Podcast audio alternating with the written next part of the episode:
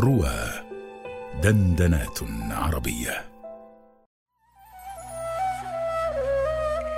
عطائيات مع طه الصوري على رواه.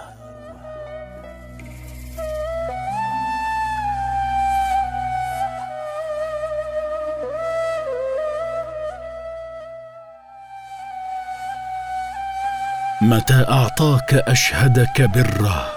ومتى منعك أشهدك قهرا؟ فهو في كل ذلك متعرف إليك ومقبل بوجود لطفه عليك. ومقبل بوجود لطفه عليك. أي متى أعطاك مولاك أيها المريد ما تريد؟ أشهدك بره أي صفاته البرية التي تقتضي البر من الجود والكرم واللطف والعطف ونحو ذلك. ومتى منعك أشهدك قهرا؟ أي صفاته القهرية التي تقتضي القهر كالكبرياء والعزة والاستغناء. فهو في كل ذلك أي في كلتا الحالتين متعرف إليك.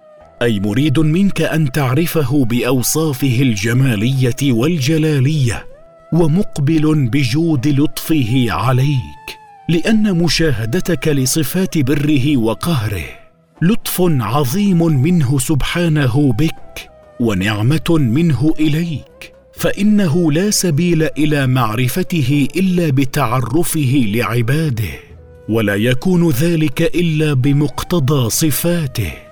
سواء كان ذلك موافقا لطبعهم وهو الإعطاء أو مخالفا له وهو المنع. سواء كان ذلك موافقا لطبعهم لأن كلا منهما له طريق توصله إلى معرفة مولاه. وهذا من جملة فتح باب الفهم في المنع كما مر فعليك بالفهم